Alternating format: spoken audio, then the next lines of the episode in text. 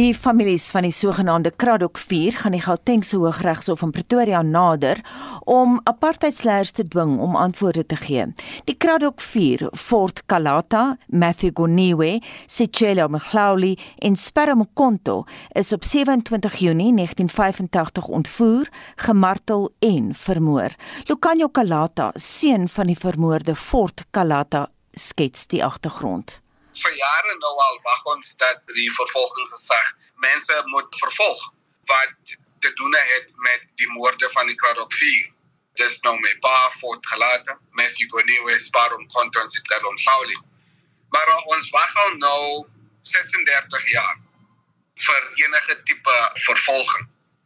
En in Julie maand is ons as die vier families hof toe om die Hooggeregshof in Pretoria te vra om asseblief tog vir die nasionale vervolgingsgesag te order om hulle investigation te voltooi en vir ons dan 'n datum te gee wanneer hulle gaan begin vervolg. Sover wag ons nog en ons is baie hartseer dat die vervolgingsgesag nou al twee aspertye gemis het waar hulle vir ons inligting moes gee oor hulle besluit om ons application te oppose in die hof. So dis baie hartseer maar dis die posisie so dit is soos dit staan. Nou Lucanio, hoe voel julle families wat nou direk geraak word deur die apartheid regering se moorde dat die reg nie sy gang geloop het nie? Man ons die Engelse woord is betrayed. Dis hoe ons voel. Want die ANC regering is waar dit is vandag. Want ons paas ons maats ons broers ons susters het hulle lewe neergelê vir die ANC om te kom waar dit nou is. Maar nou is die ANC aan bevind en toe draai die ANC sy rug van ons. Hoe kan hulle so ding doen 'n paar weke gelede het voormalige president F.W. de Klerk, F.W. de Klerk, gesê dat voormalige ANC leiers het in illegal deals ingetree saam met voormalige apartheid operators. En vir ons is dit slegte nuus om dit te hoor, want dit beteken die ANC het ons uitverkoop. Die ANC het gesê ons gaan in diep deals insaam met julle wat ons onderdruk het om seker te maak dat niemand ooit vervolg sal word vir die moorde wat gepleeg is teen ons eie mense nie. En dit vir ons, ek dink ons sal dit ooit kan verstaan hoe die ANC dit aan ons kan doen nie. Maar jy weet as jy so na die situasie kyk in die land en hoe dit lyk op oomblik, kan ons dit maklik glo want die ANC is meer geïnteresseerd in korrupsie om geld te steel en al die goede wat verkeerd is in plaas van om ons demokrasie op 'n goeie spoor te hou en om seker te maak dat ons land groei. Wit mense, swart mense, almal saam. Ons werk teen die nalatenskap van verwoord en DF Malan en Strydom, al die mense wat vir ons apartheid gegee het. Nou in plaas van dit is die ANC besig om ons paas se name en hulle nalatenskap deur die modder te trek. Nou daar is duisende families wat ook direk geraak is deur die apartheid regering se opdragte. Maar watter impak het die moorde of jou pa se moord direk ook op jou gehad? Kyk, die impak van apartheid op op families ek weet nie hoe om dit te quantify nie. Ek het 'n vriend Mbasa Mfenge hy is die seun van Victoria en Griffith Mfenge nou Griffith is op die 19de November 1981 doodgemaak deur apartheid operators sy ma Victoria Mfenge is op die 1 Augustus doodgemaak deur apartheid operators. So nou sien jy 'n familie wat geannihilated is. Mbasa en sy boeties en sissies, hulle is vandag orphans. Dit is wat hulle is want die apartheid regering het van hulle offens gemaak. Dis die impak van apartheid op ons families. Ek word groot sonder 'n pa. Nou my pa het nie 'n kar ongeluk gesterf nie. Hy het nie siek geword en van sy siekte gesterf nie. My pa is vermoor. Hy is vermoor want mense die hoogste kantoor in die land het 'n besluit geneem en gesê hulle moet permanent uit die samelewing verwyder word. Dit is die besluit wat teen my pa geneem is en sy kollegas. En toe word hulle vermoor. Nou word ek groot. Ek is vandag 'n pa van 'n 8-jarige seentjie. Ek sukkel om pa te staan vir my seun. Want niemand het vir my gewys hoe om 'n pa te wees nie. So ek weet nie of ek my seun op die regte manier grootmaak nie. Ek weet nie of ek nou moet streng wees teen hom of nou moet ek met 'n sagte hand teen hom gaan nie. Want niemand het dit vir my nobody was a role model. Niemand het my gewys dit is hoe jy 'n seentjie grootmaak. En dis die impak van apartheid en ek dink baie mense vergeet as hulle sê o ja, forget about it, move on en sulke goede. Hoe kan ons vergeet van ons lewe nog met die impak van apartheid elke liewe dag? So ons kan nie daarvoor vergeet nie. My pa se verjaarsdag. Weet jy hoe mis ek om as daar iets groots in my lewe gebeur? Of as ek 'n bietjie advies soek kom ons sê ek en my vrou is nou besig en dinge is nie reg tussen ons nie. Ek kan nie my pa bel dan om vir hom te sê kyk hierso, ek het so en so en so probleme in my familie nie. Want mense het besluit om my pa van my af weg te neem. En dis die impak, dis die regte daaglikse impak van apartheid. Lukanya, watter toekoms sien jy vir Suid-Afrika wanneer soos jy vroeër gesê het, jy voel dat die ANC of die NVG jou verraai het of julle families verraai het? As sekere dinge nie onmiddellik reggemaak word, sien ek 'n baie baie baie swaar toekoms vir ons land. 'n Baie moeilike toekoms. 'n Toekoms vol racial division, 'n toekoms vol poverty, armoede, sulke goede.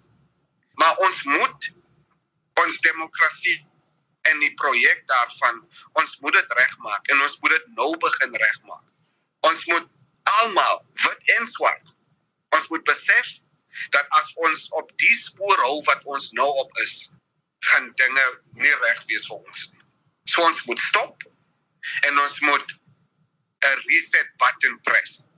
En die reset is om te sê die kriminele apartheid kriminele wat crimes against our humanity aangevoer het.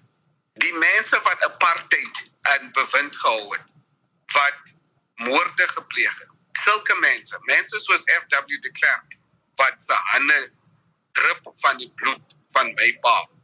Mense soos hy moet vervolg word. Ons moet al die kriminele uit ons samelewing, uit ons samelewing uithaal sodat ons mense wat respek het vir die lewe wat respek het vir mekaar irrespective of a skin color mense wat respek het vir demokrasie en die wet ons mense moet ons land bou. En dan al die kriminele hulle moet almal vervolg word wit en swart hulle moet almal vervolg word.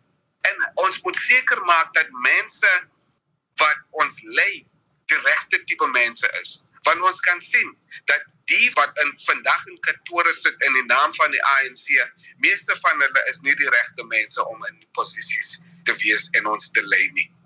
Want hulle stel nie belang in die toekoms van Suid-Afrika nie. Hulle stel net belang in hoe vet hulle hulle sakke kan maak met ons geld. En ons kan nie voortduur met sulke mense nie. Ons kan dit nie doen nie. So ons demokrasie projek moet begin by die begin. Prosecute almal wat crimes committed under apartheid. Sodat ons kan wys dat wanneer jy iets doen in ons land, gaan jy vervolg word en jy gaan in tronk beland en dit maak nie saak of jy nog iemand doodgemaak het, geld gesteel het of iemand verkragt het of so nie. Almal rule of law, that must be the basis of our democracy. En daardie pleidooi kom van Lucanio Calata, hy is die seun van een van die Kraddock 4 en Vincent Mofokeng het met hom gepraat. Dis nou 724 en ons bly by die storie. Die Stichting vir Menseregte wat namens die families van die Kraddock 4 optree, voer aan dat die nasionale vervolgingsgesag versuim het om die ondersoek af te handel en die vermeende moordenaars aan te kla. En ons praat nou volgende uur met 'n prokureur van die stigting Ahmed Mayet. Ahmed, goeiemôre. Uh, goeiemôre. Goeiemôre aan die luisteraars. Wat behels julle aansoek in die Hooggeregshof in Pretoria? Ja, wat ons doen is ons vra namens die families, die Krenok vier families, uh vir die hof uh, om 'n bevel uh te maak teen die vervolgingsgesag om hulle te vra om al die dokumente wat hulle nagegaan het om 'n besluit te neem beskikbaar te stel aan ons prokureurs. En ons prokureur in die geval is uh, Cliff Dekker of Meyer. Ahmed, um, Ja. Waar het die nasionale vervolgingsgesag gefouteer? Uh kyk, hulle het lank gesloer met die saak. Daar was twee uh, strafregtelike doodsondersoeke wat plaasgevind het. En in die eerste een het uh ek dink was Landros gebeur met 'n bevinding gemaak het dat uh nie uh hulle was vermoor deur onbekende persone. Uh dis die kry ook vier mense. En dit was 'n ander doodsondersoek wat gelei is uh, deur uh, regter Linus Neville Fitzman wat dit gedoen het. En hy het tot die bevinding gekom dat hulle is gemartel, uh, ontvoer en vermoor deur lede van die ehm uh, uh, polisie mag. En uh, so daar was dit straffelik strafregtelike doodsondersoek wat plaasgevind het en daarna het niks gebeur nie.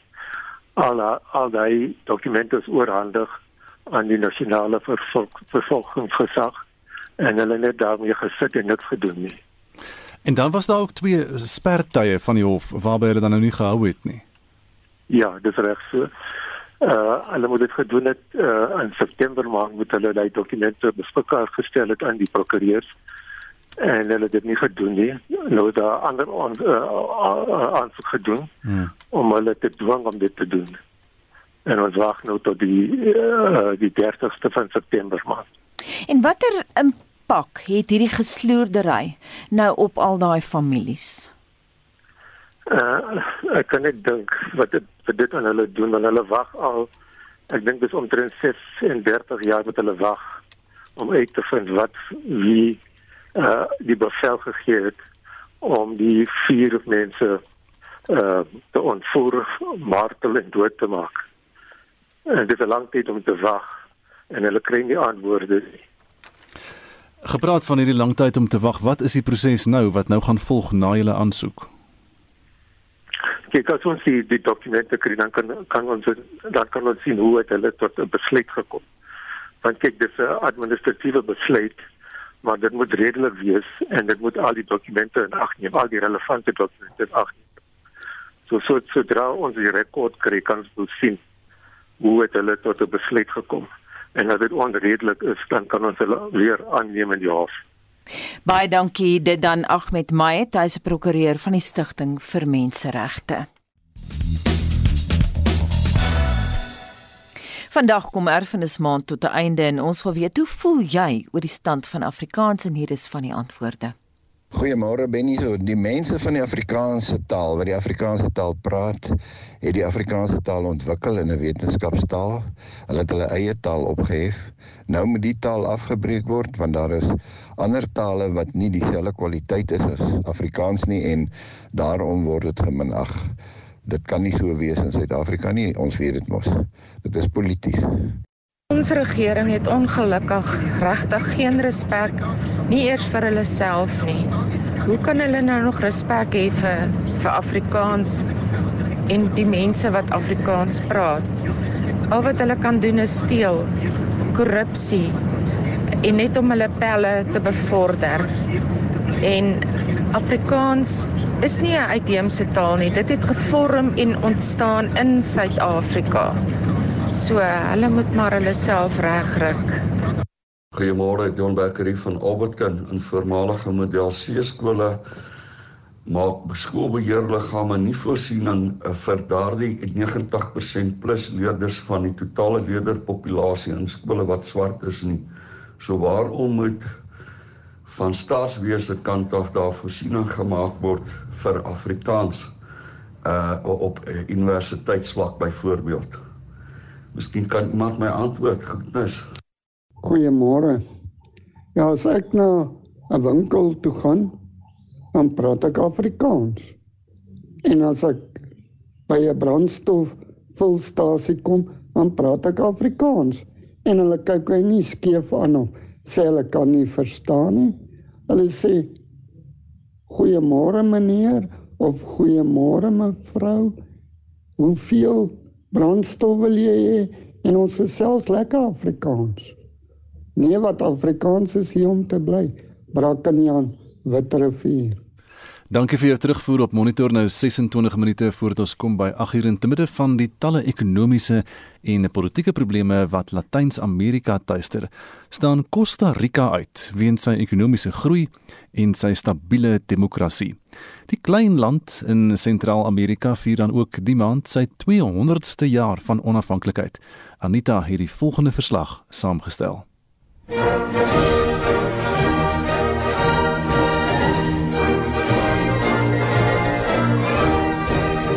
This is a country that has a history of 200 years of good decisions. Die indruk van professor Lyle White van die Brentus Stichting in Johannesburg.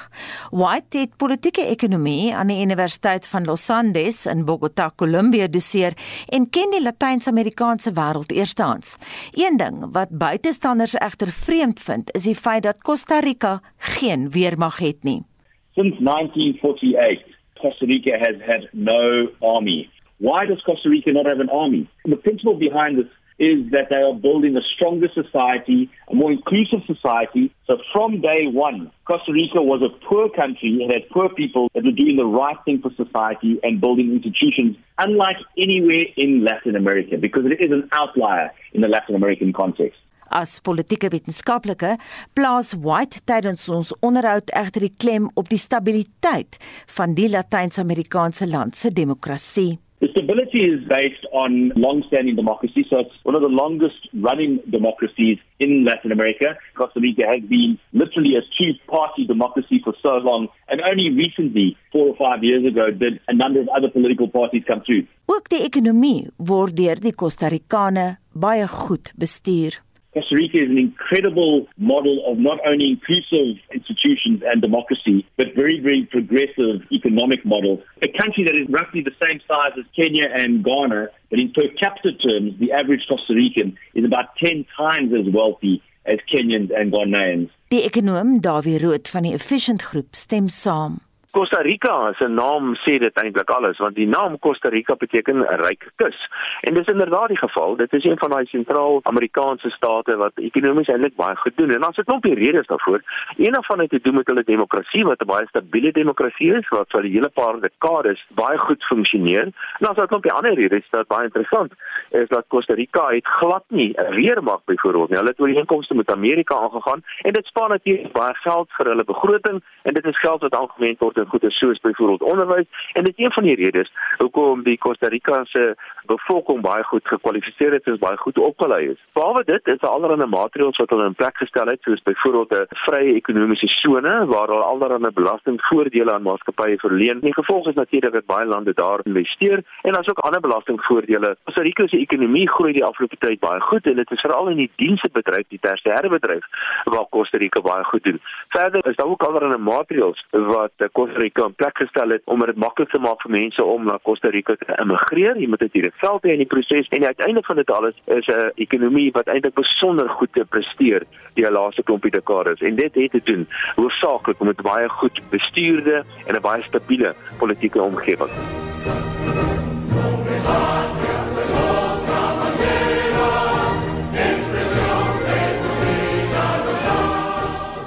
Boonop is die land se media vry in 'n streek van die wêreld waar die pers oor die jare baie gemylband is. You can see this when you read the newspapers. You can see that people are very, very outspoken in recent elections. Society at large was very, very outspoken. But obviously, Costa Rica is also becoming a champion of the fight against climate change, conservation, of education around conservation, and skills development all in one. En hiermee stem professor François Engelbrecht van Wits Universiteit se Global Change Institute saam. 'n Omgewingsperspektief wat wêreldwyd erken word en waardeur Costa Rica gesien word as 'n leier in natuurbewaring is die land se besondere sukses om ontbossing van hierdie kosbare reënwoude heeltemal stop te sit en om te keer. Nou in die 1960s en 1970s was Costa Rica een van die lande in die wêreld met die grootste tempo van ontbossing, selfs erger as wat ons vandag sien in Brasilië. En die land het dit reg gekry om hierdie proses heeltemal om te keer. Dit is gedoen deur 'n besondere program waardeur die eienaars van grond oortuig is om eerder betalings te ontvang van die staat in ruil vir die bewaring van die woude op die grond wat hulle besit. Dit is 'n pioniersprojek. Dit het Costa Rica se reputasie gevestig as 'n land wat omgee vir die bewaring van die natuur. Costa Rica is ook 'n land wat besonder kwesbaar is as dit kom by die impakte van klimaatsverandering. Net so Suid-Afrika interessant genoeg as hulle grootste gevaar toenemende droogte en gepaard gaan met die droogte is meer daarmee te hoë brandgevaar wat natuurlik 'n groot gevaar is vir Costa Rica met sy baie ryk plantegroei en in die besonder die woude. Costa Rica het ook in 2015 tydens die Parys-ooreenkoms die onderneming gemaak teenoor die internasionale gemeenskap om 'n sogenaamde laboratorium te word in terme van om 'n koolstofneutrale land te word teen 2050. So dit is een van die eerste lande in die wêreld wat die verbintenis gemaak het om sogenaamde net zero koolstofdioksied emissies te bereik in 2050. Dit alles maak die relatief klein Costa Rica een staat in Latyns-Amerika om dop te hou. Central America is a part of Latin America that we should look at more closely because those countries are of a similar size to African countries and have unfortunately followed a very similar development line. Costa Rica has been an exception to this. We must watch that space for Costa Rica as a great model for us to replicate in Africa.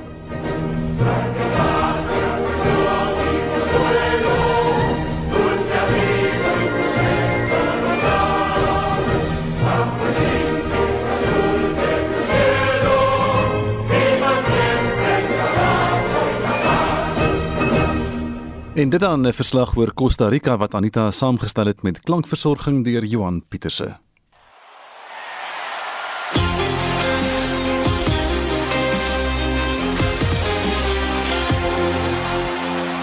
Hier is Shaun Jooste nou met vandag se sportnuus.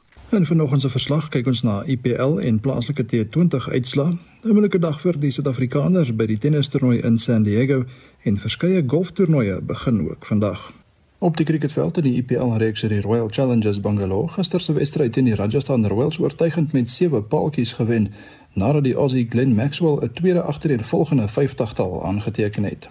Bangalore is steeds derde op die punteleer met Rajasthan sewende. Die Chennai Super Kings en Sunrisers Hyderabad pak mekaar vanmiddag 4uur. In die plaaslike KSA T20 uitklop toernooi het die Titans die Rhinos van Mpumalanga gister in Bloemfontein met 9 lopies deur die Duckworth Lewis Stern metode geklop nadat die wedstryd na 7 balbeurte per span verkort is. Die Knights het die Tuskers ook gister met 34 lopies getroof. Die Knights het nou 9 punte op die punteleer, die Tuskers 5 en die Titans 4. Die Titans en Tuskers sê mekaar vanoggend 10uur en die Knights en Rhinos mekaar vanmiddag 0:30 die stryd aan. Beide wedstryde word by die Mangaung Oval in Bloemfontein gespeel. Sokker.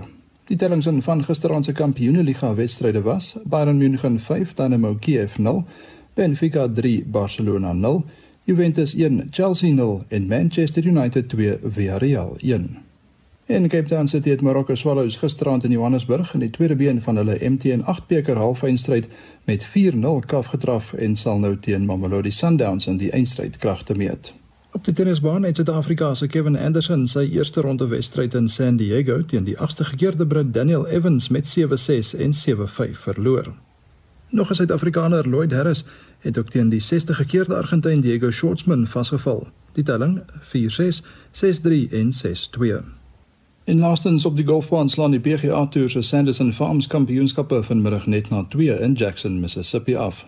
Dylan Fratelli en Davie van der Walt is die enigste twee Suid-Afrikaners wat deelneem. Die Spanjaard Sergio Garcia was die wenner in 2020.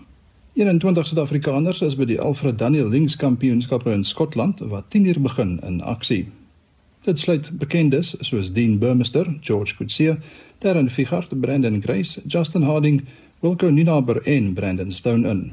Die Fransman Victor Perez is die verdedigende kampioen. En die sonskynreeks se Wurkom oorsprong van golftoernooi het reeds om 7 uur in Kaberga by die Youngwood Golfklub afgeslaan. Groot name soos Oliver Becker, Tristan Strydom en M. Viljoen is deel van die veld. Shaun Schuster, RSG Sport. Die Springbokke moet Saterdag hulle ondersteuners met 'n oorwinning oor die All Blacks vergoed, anders gaan die koppe rol. Dit is die mening van die oud rugby-administrateur, AB Williams, wat op die toer bestuur gedien het gedurende die Bokke se betogertoer na Nieu-Seeland in 1981. Hy het aan Heinrich Weingart, uh, hy het met Heinrich Weingart sy indrukke van verlede week se 100ste toets tussen die twee lande gedeel. Wat ek wou sê, is hy jammer uh dat die toets was gespeel in Australië. Die waarde van die toets het verlore gegaan want ons het gespeel in 'n gemeenskap wat nie deel was van my 100 jaar nie. Hoe beskryf jy daai 100-jarige verhouding rugby vriendskap tussen Nieu-Seeland en Suid-Afrika? Nou, ek kan vir sê dat daar is in die hele wêreld is daar nie so 'n verhouding tussen ander lande as wat Nieu-Seeland en Suid-Afrika se verhouding is nie. Elke seun in Nieu-Seeland wat speel, hy wil vir die All speel. En elke keer as hy vir die All Blacks speel het, dan word gekies na die All Blacks en die All span, dan wil hy teen die Bokke speel. Dit is die groot kroon op daai seuns se kop om teen Suid-Afrika te speel. Ek kan enige tyd na Nieu-Seeland toe gaan Sit jou sprangbok kepie op jou kop en trek jou tye aan en jy het die vryheid van daai gemeenskap in hulle dorpe, in hulle kroe. Jy is die ou en jy is van Suid-Afrika. Maar 40 jaar gelede toe jy deel was van die 1981 toer na Nieu-Seeland, was dit 'n baie turbulente tyd vir die bokgroep van daai jaar. Ja, dit was 'n hartseer storie van die bokke van daai jaar. Maar jy moet onthou, die bokke het rugby gespeel en die bokke het nie die politiek in die land gereël nie.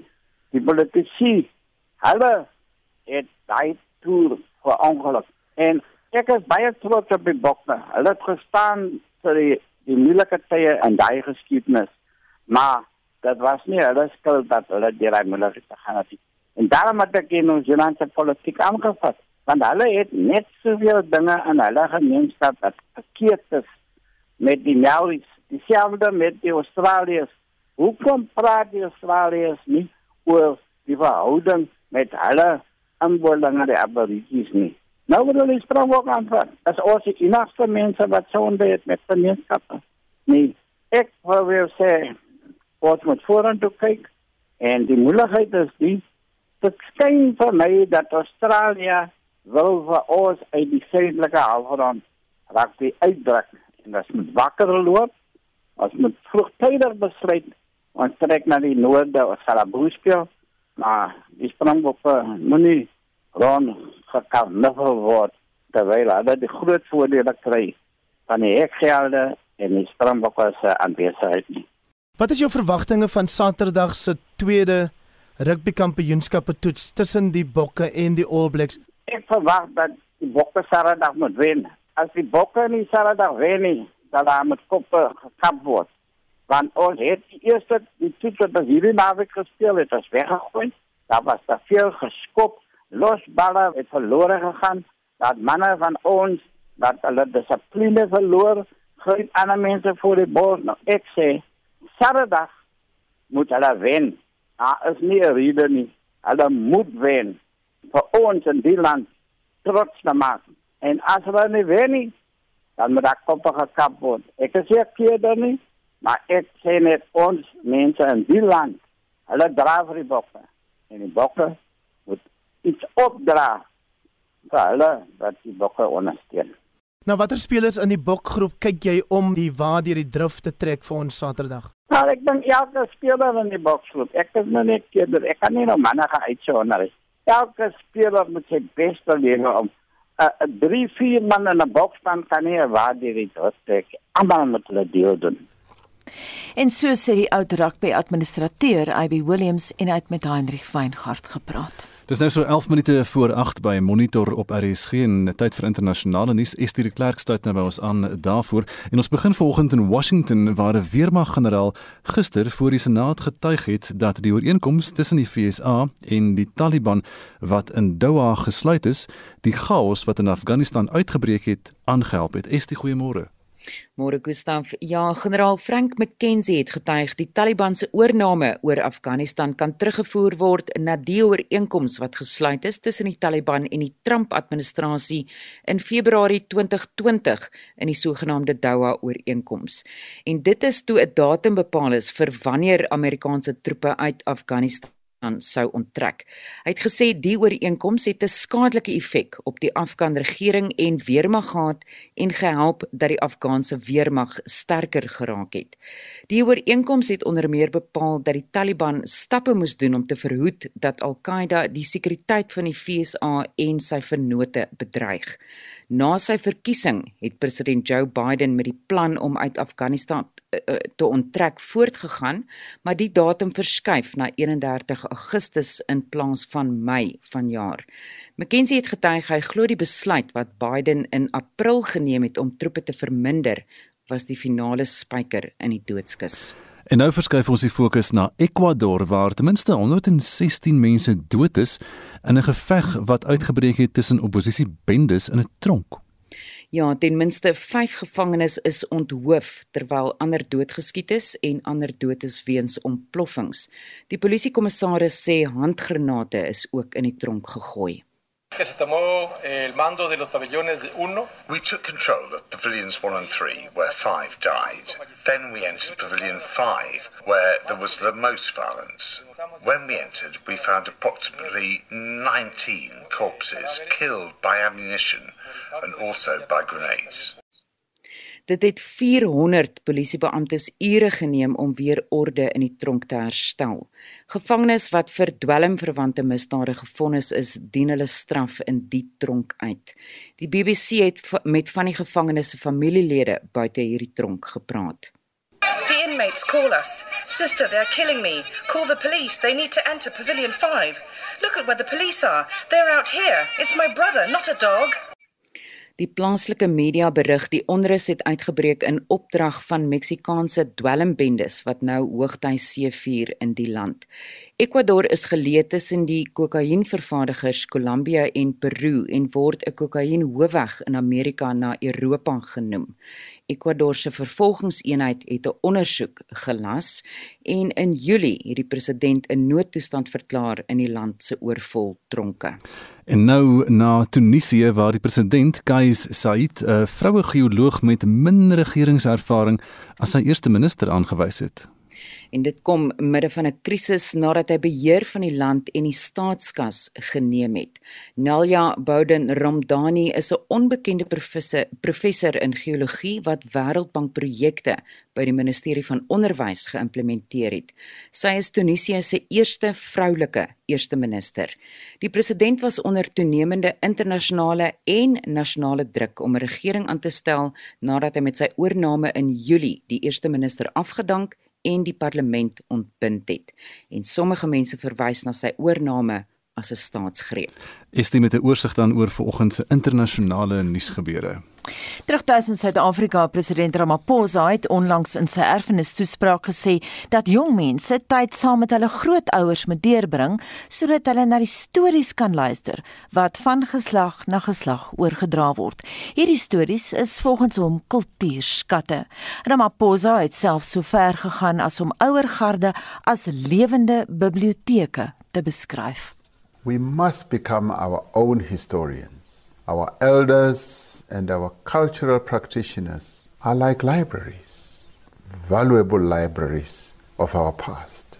They have a wealth of information and we must tell their stories. As families, let us encourage our children to spend more time with their grandparents and great grandparents, to listen to them, and where possible, to record the histories of our people. Someday, Our children will pass this on to their own children, who may themselves become cultural practitioners, authors, filmmakers, museum curators, and tour guides. Heritage is as much about the present as it is about the past. By transmitting it from one generation to another, we keep it alive. En dit was 'n uittreksel uit president Cyril Ramaphosa se erfenisboodskap. 6 minute voor 8 en in die rolprent begrond word 'n soortgelyke verhaal van nageslag tot nageslag oorgedra. Ouma Hester, vertolk deur Lida Botha, vertel vir haar kleinseun hoe haar ouma die Anglo-Boereoorlog oorleef het. Die regisseur Elrig Eysel het die draaiboek uit Dirk Herman se gelyknamige roman verwerk. Die 13-jarige Ruanko Ukerman is begrond se jongste akteur en hy het met Anne-Marie Jansen van Vuren by die rolprent bekendstelling in Pretoria gepraat. Ukerman sê hy het self met sy oupa gepraat om vir die rol voor te berei. Toe ek klein was, ek was skaam, so toe sit my maale in my in 'n drama skool om my nie so skaam te laat wees nie. So van daar af toe was ek net baie lief vir drama en ek was 'n paar jaar terug toe ek in kampterrein en stroom op en al daai goedjies. So toe raak ek net meer lief vir filmwerk. Hierdie rolprent begrond. Wat was vir jou anders aan hierdie rolprent as goed se stroom op en kampterrein en so aan? Ek dink die mense hierso, baie mense was daarso, hulle het nie my regtig verstaan nie. Ek het hulle verstaan, maar hulle het my nie regtig verstaan nie. Hierso was dit almal was hulle die hele tyd met my gepraat, hulle het my aktief laat bly. Hulle was net nooit in 'n slegte by nie. Hulle was baie nice. En waaroor gaan hierdie rolprent vir jou? Vir my is dit oor om vir almal al daai Suid-Afrikaanse mense te wys oor dit dis hoe ons gelewe het. Ons moet nog steeds net Suid-Afrikaners en Afrikaans net lewendig hou want ek dink baie mense gaan nou meer in Engels in en dis ons toekoms maar ek dink meer mense wat hierdie film gaan kyk gaan meer agterkom ons het geveg om hier te kom waar ons nou is. Dit is nogal 'n moeilike onderwerp. Hoe het jy dit vir jouself eintlik verduidelik? Ek en my oupa het eendag toe gaan sit ons alleen in die hoekie en vertel hom al hierdie goeie stories en wys my foto's en dit was eintlik baie hartseer. So toe dink ek maar net as ek regtig my rol moet goed speel, moet ek eintlik ook ja verstaan, maar ek moet wees soos wat hulle was. So my oupa het my net meestal met daai goedjies gehelp. Hierdie fliek word nou in erfenismaand vrygestel. Wat beteken erfenis vir jou? Erfenis is wat my voorvaders vir my gedoen het. Soos hulle het vir my geveg sodat ek hierso kan wees en nie dalk op 'n ander plek nie. So ek is hierso en ek's gelukkig om hier te wees. So dis my erfenis voorvaders. Ja. En dit was Ruanko Ikerman, 'n jong akteur in die rolprent Begrond en hy het by die rolprent premier met Anne Marie Jansen van Vuren gepraat. Ons praat oor die stand van Afrikaans in Suid-Afrika en luisteraars gee nou vir die laaste keer vir ons terugvoer Hendrik jy die vloer. Aneta met die 40 sekondes tot my beskikking laat weet Daniel van Wyk die ontkenning van Afrikaans as 'n inheemse taal deur die minister van hoër onderwys is ons volgende stryd. Die uitspraak van die konstitusionele hof sal hopelik 'n verandering bring ten opsigte van die regering se ignorering van Afrikaans as 'n onderrigtaal en taal van die howe en Daniel is die uitvoerende voorsitter van die DAK netwerk. Imker en Elsie Geyser Hoogenout sê Afrikaans het ontwikkel vanaf 'n kombuistaal tot 'n taal waarin 'n persoon 'n postdoktorale graad kan verwerf in 'n vakgebied soos kernfisika. Dieselfde moet gebeur met ander inheemse tale. En dan is stel skepers wat sê as ons nie ons eie taal respekteer en goeie Afrikaans praat en skryf nie, kan ons nie van ander verwag om dit te doen nie. Het julle al gesien hoe spel en skryf Afrikaanse mense op sosiale media? Waardeur in plaas van waardeer plante word gespuit in plaas van spuit. Dit dan ons terugvoer vir vanoggend. En eh, so kom ons dan aan die einde van vanoggend se monitor. Eerste, hoe lyk ons dagboek vir Spectrum om 12? Gustaf Burgerregte organisasies doen 'n beroep op wetstoepassingsowerhede om op hulle hoede te wees in die aanloop tot die plaaslike verkiesing. Die Menseregte Kommissie stel streng voorwaardes aan ses provinsiale ALR vir onderwys oor water en sanitasietekorte by skole in hulle provinsies en ons berig oor 'n kameelperd wat dink hy is 'n eland. Skakel in vir Spectrum tussen 12 en 1. En daarmee groet die monitorspan namens ons uitvoerende regisseur Nicoline de Wee, die man in die warm stoel vanoggend, Wessel Pretorius, ons tegniese regisseur Daitron Godfrey. Ek is Anita Visser. En ek is Gustaf Vreiling. Anne Marie is nou reg met die 8 uur nuus.